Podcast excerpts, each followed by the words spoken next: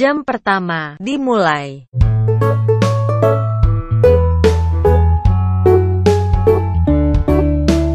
Selamat datang di podcast Gak Sambat Yo Nyacat. Ya, sebuah podcast baru, podcast yang bertujuan untuk bersenang-senang dan menjaga kewarasan. Seperti namanya teman-teman, podcast ini isinya cuma sambat atau mengeluh dan juga nyacat atau menghina. Menghina dan mengeluh tentang apa? Ini semua tentang kehidupanku sendiri. Jadi, apa pun yang terjadi dalam podcast ini semuanya adalah pengalamanku dan bukan berdasarkan pengalaman orang lain. Jadi jika ada kesamaan profesi, setidaknya jangan disama-samakan ya, karena pengalamannya juga tentu pasti berbeda. Um, podcast ini nggak ada pesan moralnya kecuali kalau kalian punya intelijensi yang tinggi untuk menemukan pesan moral di dalam cerita-ceritaku. Tapi kalau nggak punya, kalau standar seperti aku, ya udah dengerin aja ya. Ini cuma berbagi. Teman-teman kata orang kan kalau nggak kenal maka nggak sayang, gitu kan? Nora, uh, kenalan ya kenalan air, Kenapa ya? Kalau orang mau kenalan mesti diawali dengan kalimat seperti ini. Ini tahun berapa? Ya, kayak motivator-motivator selalu kalau diawali dengan tak kenal maka tak sayang. Kan nggak semua kalau mau sayang juga harus kenal dulu ya. Atau kalau kenal terus bisa sayang. Kan nggak semua seperti itu. Coba ke klub. Kadang nggak kenal bisa sayang kok jadi teman-teman, aku ini seorang guru, membuat podcast ini sebagai sarana untuk ya sambat lah apa yang nggak bisa aku keluarkan di dunia nyata karena mungkin keterbatasanku atau ya takut dipecat lah. Semua uh, kan nggak semua orang ya bisa mendengarkan apa yang kita rasakan. Bisa-bisa kalau tak sampaikan semua di blacklist sama sekolah-sekolahan maklum rek tanggunganku itu seakeh jadi ya nggak. Gak wani-wanian moro-moro mati gak gak bisa bayar cicilan dah. Susah aku. Seperti yang tak sampaikan di awal podcast ini isinya cuma sambat ya. Maka kalian mungkin bakal sering dengar aku marah-marah atau misu-misu. Lah guru kok misu? Lah ya opo wah uh, menahan semua yang terjadi ini berat ya. Uh, melihat temanmu yang menjilat atasan atau lihat wali murid yang WA jam setengah sebelas malam ya Allah. Berat gitu loh. Jadi yo kalau aku sambat aku miso ya didengerin aja. Guru itu kan juga manusia biasa jadi bisa mangkel, ya bisa sebel gitu loh. Apalagi kalau melihat orang yang menurutmu nggak layak jadi kepala sekolah terus merintah-merintah. Lah gak ngerti apa sing mbok karepno iku angel des ya. Jadi ya anggap aja podcast ini adalah sisi gelapku sendiri sebagai seorang guru. Ya. Jadi kalian juga nggak perlu repot-repot untuk memberikan kritikan atau masukan. Aku gak butuh dan aku nggak ngurus. Nah tujuanku ini sambat di sini. Kalau terus kamu kritik lah kamu tegomen dati. Jadi orang kok tega bener gitu loh. Sampai keluar orang aja dikritik. Iyo yo uripmu enak, nggak usah ngeritik uripku lah seperti itu.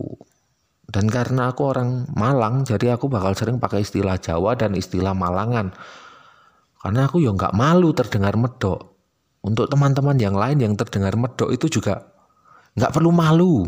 Malulah kalau kamu ketahuan medok. Ngerti medok? Medok itu main perempuan. Apa ya? Bahasa kerennya sekarang open BO, open BO rek. Jadi aku ceritain backgroundku sedikit ya. Aku ini seorang guru SD di sebuah SD swasta selama lima tahun. Awalnya itu aku menjadi guru karena terpaksa. Jadi cita-citaku di awal itu aku ingin menjadi penyiar radio atau MC gitulah ya yang ngomong di depan orang banyak seperti itu. Banci tampil aku sebetulnya. Tapi karena minim pengetahuan dan nggak punya inisiatif untuk mencari pengetahuan itu ya kebetulan juga orang tuaku kedua-duanya itu guru. Dan saat itu aku mikirnya wah jadi guru itu sebuah kesempatan di mana sekolah itu nggak ada matinya. Sekolah kan bakal terus ada kan? Itu pikiranku tapi preketek rek. Ternyata sekolah swasta itu akeh sing tutup. Ya ampun. Ya maklum ya waktu itu ya namanya anak SMA dan aku kebetulan aku sendiri atau mungkin banyak teman-teman juga mana ada sih yang semangat sama kuliah gitu loh. Ya namanya juga anak SMA kenakalan remaja ya biasa lah. Sing ngerampok toko bakar mantane pacarmu waktu itu melok pelatihan teroris ya gitu-gitu itulah. Itulah kenakalan-kenakalan yang wajar kan. Nah, jenenge area SMA kan wajar tau kayak gitu. Nah ternyata semakin gede aku ngerti pekerjaan zaman sekarang itu banyak banget. Yang mungkin juga nggak ada matinya itu tergantung bagaimana kita yang menjalani mulai dari desain grafis, web manager, jualan online sampai joget-joget ngarepe HP loh sekarang ada uangnya ya ketun aku.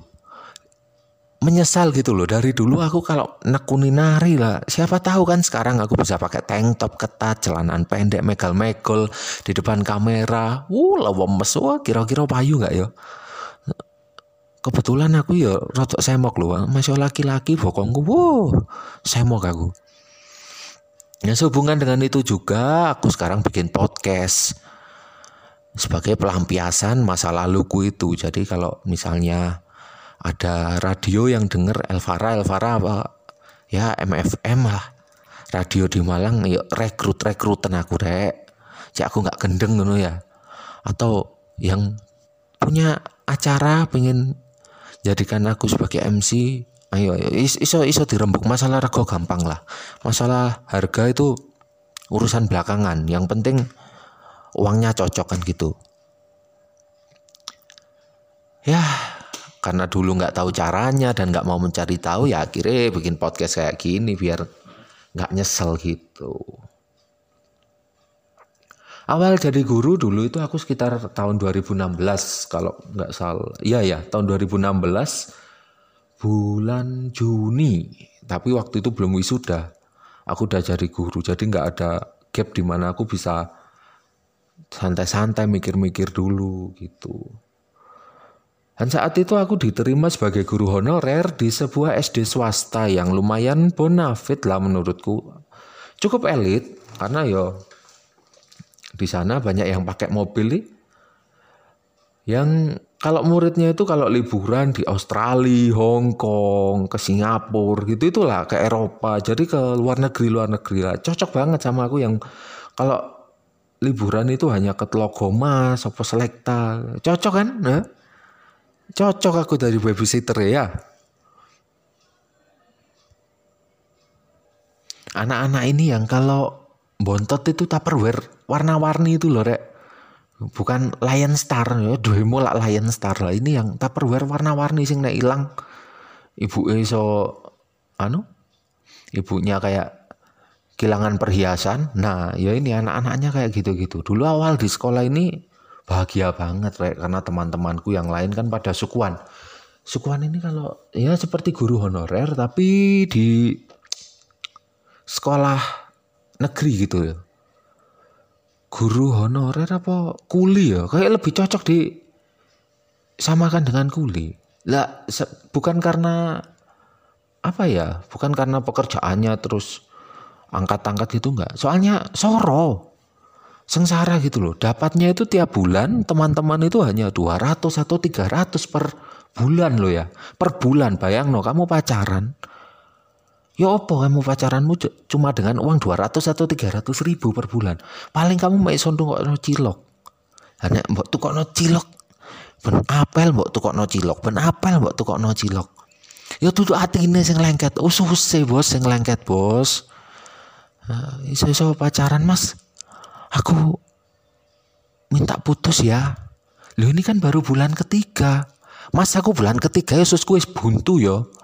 Aku wis ping aku sudah berapa kali ke dokter menakno ususku mek mergo saben apel mbok pakani cilok mbok pakani cilok loh kasihan dah.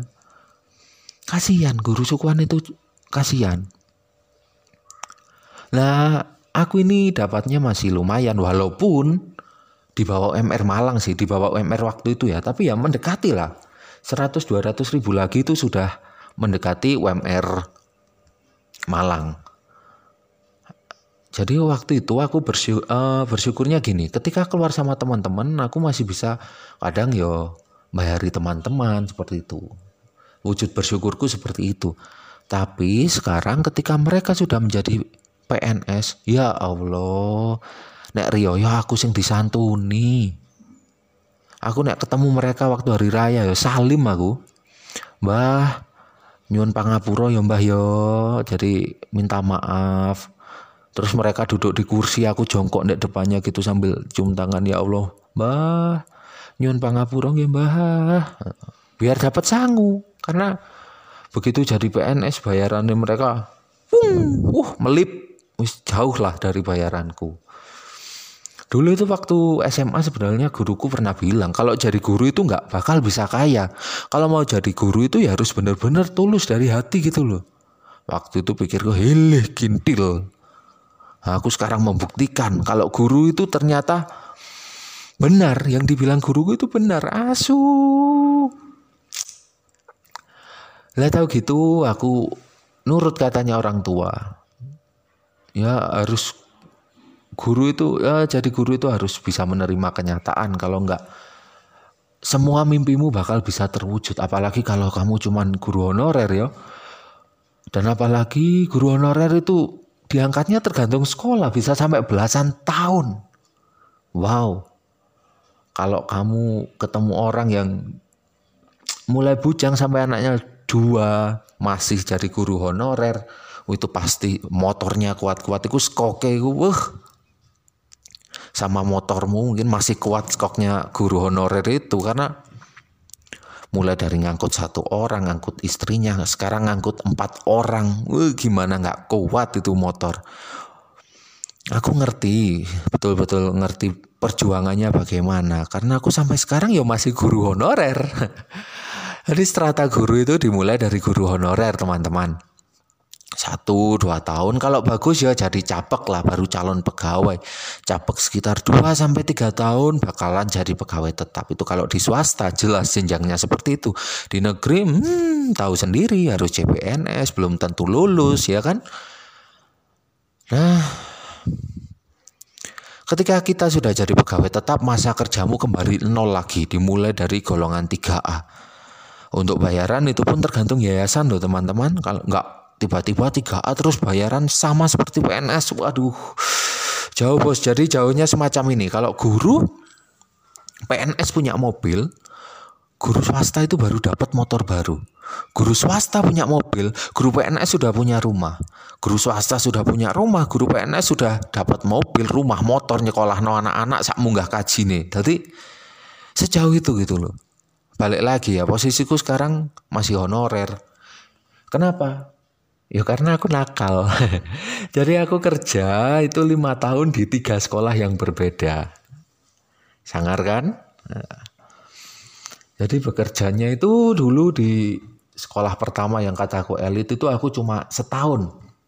Itu karena aku mengundurkan diri soalnya mau dipindah ke Bondowoso. Sekarang gini logikanya, orang Bondowoso aja merantau cari rezeki di Malang. Lah ngapain aku ke, uh, ke Bondowoso? UMK-nya lebih kecil lagi. ya bayang no, sekarang di Malang di bawah UMR Malang. Di Bondowoso lah di bawah UMR Bondowoso ngeri bos. Waktu itu aku tanya sama si capseknya itu, Bu, kenapa toh saya kok dipindah? Sedangkan ada tiga teman saya yang lain itu bertahan di sini. Kami nggak ada formasi, katanya begitu. Halo, lah gak melek ta matane asu. Ada empat orang yang masuk, buka lowongan untuk empat orang, ya. Terus orang baru itu empat masuk, terus bilang nggak ada formasi. Lah, eh kaya lah. Aku untung gak gelap mata waktu itu ya. Gelap mata tak walik mejone tak ide-ide gulune. Untung prinsipku bukan kalau aku nggak bisa kalau aku nggak bisa orang lain juga nggak bisa gitu dan aku kayak gitu ya Tak tekek tak konco-koncoku telune iku. Tapi alasannya nggak masuk kan. Terus tak tegesin, tak tegesi. Akhirnya dia bilang alasan sebenarnya. Kalau tulisanku itu jelek. Ah, ini ya bu ya. Uh, iya sih, dan tulisanku elek. Tapi gak masuk akal, cuk. Lah saiki sembarang kan diketik. Sekretaris lurah sing sekarang itu nggak ada yang tulis tangan. Zaman 1945 itu wae, naskah proklamasi kan diketik torek. Iya kan? Sama Sayuti Melik waktu itu. Lah zaman sekarang mau mengandalkan tulisan tangan. Wong nerangno lo pakai PowerPoint. Tak orek-orek tata layar LCD nih iku. Ini nggak masuk akal kan? Ya setelah itu aku pindah lagi kerjanya ke sekolah yang lebih di di bawahnya. Kalau diukur secara bayaran di sini hanya separuhnya. Jadi di awal lumayan tapi belum sampai UMR. Nah ini separuhnya itu. Wow, makin jauh. Sangar tau aku. Tapi dengan penuh kesabaran dan kelaparan tak jalani ya. Tapi ya walaupun gak kuat dan akhirnya keluar. Sekolah yang kedua ini terkenal angkernya. Jadi gedungnya itu gedung peninggalan Belanda maghrib dikit tuh jadi basecamp makhluk halus nongkrong gitu loh. Malam minggu gitu nongkrongnya di sekolah aku. Saking seremnya ya semua hoax tentang sekolah itu. Yang katanya tempat jaga katanya bekas rumah sakit camp penyiksaan. Nah itu semuanya sudah pernah diterima oleh sekolahanku. Saking seremnya. Tapi ya tetap yang paling angker adalah bayarannya karena itu aku cuma kuat dua tahun dengan manajemen yang juga ajaib. Jadi manajemennya itu mendoktrin kita bahwa loyalitas adalah sebuah kebanggaan. Jadi kami dari awal itu seolah didoktrin kalau bisa ya mati dalam tugas itu adalah mati yang suci. Nah, lembur ketika lembur harus lembur-lembur sampai jam 11 pernah pulang jam satu malam karena lembur tapi ketika ditagih uang lembur bilangnya sekolah merupakan lembaga sosial non-profit sehingga tidak wajib bagi sekolah untuk memberikan uang lembur. Asu lah lembur mek sego padang lah tukang masang terop ya lembur ya mangan sego padang bos. Akhirnya aku sekarang masuk di sekolah yang kedua, uh, yang ketiga sorry. Ini sudah tahun kedua aku di sini. Jadi tempatnya ini ya lumayan. Jadi di tengah pasar barang bekas di Malang. Teman-teman pasti tahu ada pasar barang bekas di Malang dan di sekitarnya itu pasar buah. Jadi di sini ini ada rel kereta api juga. Jadi kalau yang kamu lihat di India atau di mana itu kalau yang ada rel kereta api terus barang dagangannya di pinggir-pinggir lah di situ kayak gitu. Di sini di pasar ini kayak gitu. Jadi sangat adrenalin gitu. Kamu mau belanja juga adrenalin begitu dengan tutut wah harus segera minggir. Kamu kupingmu rodok saliwang rodok pendengaranmu berkurang. Wah berangkat pengen beli pelek bekas pulang jadi bekas. Nah karena eh, lingkungan sekolah yang seperti ini jadi ya anak-anak itu nggak boleh keluar nggak boleh main-main keluar gitu. Bukan karena takut ditabrak kereta yo. Kan barang bekas. Ya takutnya anak-anak itu nanti dijual eceran di pasar barang bekas gitu loh. Ginjal bekas limfa bekas. Ya mending ikut aku kan ya kan? Tak jual utuh-utuh ke Malaysia. Bercanda bercanda tapi ya segini dulu lah ceritaku nah semua sekarang tak cerita no sekarang lah. Habis topikku podcast mek topik podcast the movie apa ya apa Aku ini sambat sambil guyon lo ya, jadi jangan sakit hati atau tersinggung kecuali nek sampean goblok. Wong goblok kan gampang tersinggung, gak popo. Dan terima kasih sudah mendengarkan podcast Gak Sambat, ya nyacat. Jika ada salah kata, ya tolong dimaafno ya nak. Ah, ya teman-teman ya. Sampai jumpa di sambat-sambat dan nyacat yang lain. Jika kalian suka jangan lupa share ke teman-teman ke tetangga kamu, semua grup-grup keluargamu atau lewat insta storymu ya. Puji-puji kamu dan jangan lupa jangan ngeritik gak kiro tak urus. Oke? Okay? Jangan lupa tag kami dan see you sampai jumpa di episode Gak sambat yo nyacat selanjutnya. Dadah.